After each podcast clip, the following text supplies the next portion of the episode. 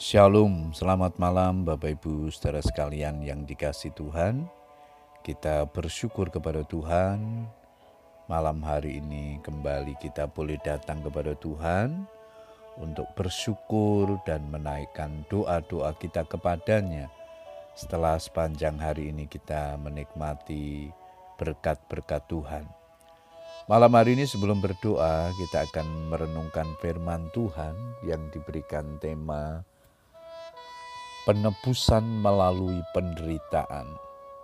Ayat mas kita di dalam Yohanes 19 ayat yang ke-24, firman Tuhan berkata demikian. Demikianlah hendaknya supaya genaplah yang ada tertulis dalam kitab suci. Mereka membagi-bagi pakaianku di antara mereka, dan mereka membuang undi atas jubahku. Hal itu telah dilakukan prajurit-prajurit itu.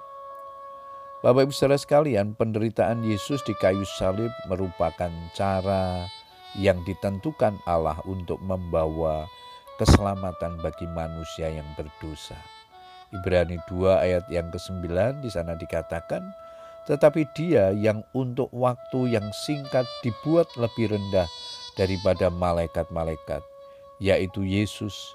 Kita lihat yang oleh karena penderitaan maut dimahkotai dengan kemuliaan dan hormat, supaya oleh kasih karunia Allah ia mengalami maut bagi semua manusia.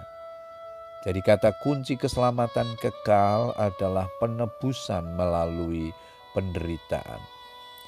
Ketika terpaku dan tergantung di kayu salib sebelum menghembuskan nafas terakhir, Tuhan Yesus tetap menunjukkan hatinya yang begitu mulia di mana ia berdoa, "Ya Bapa, ampunilah mereka, sebab mereka tidak tahu apa yang mereka perbuat." Hal ini bermakna bahwa kematiannya di kayu salib adalah sebagai jalan pengampunan terhadap dosa. Inilah yang menjadi tujuan ia datang ke dalam dunia, yaitu membawa pengampunan bagi orang yang berdosa.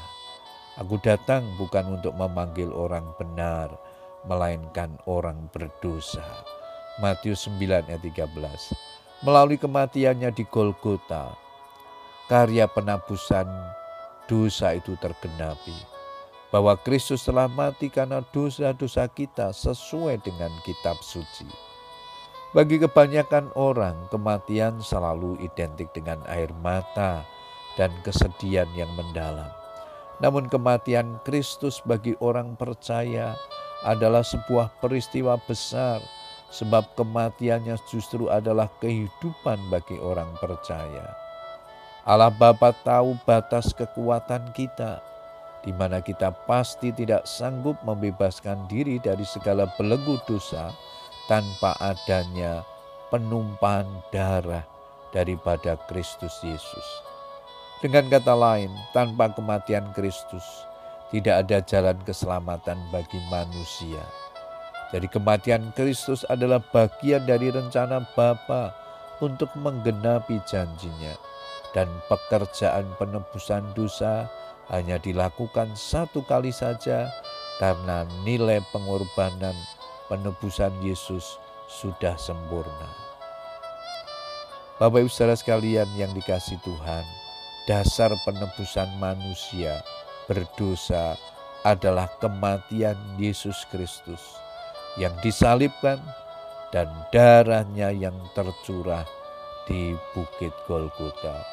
Puji Tuhan Bapak Ibu Saudara sekalian, biarlah kebenaran firman Tuhan yang kita baca dan renungkan ini menolong kita untuk terus menghargai karya penebusan Tuhan yang telah memberi dirinya di kayu salib untuk menebus dosa-dosa kita.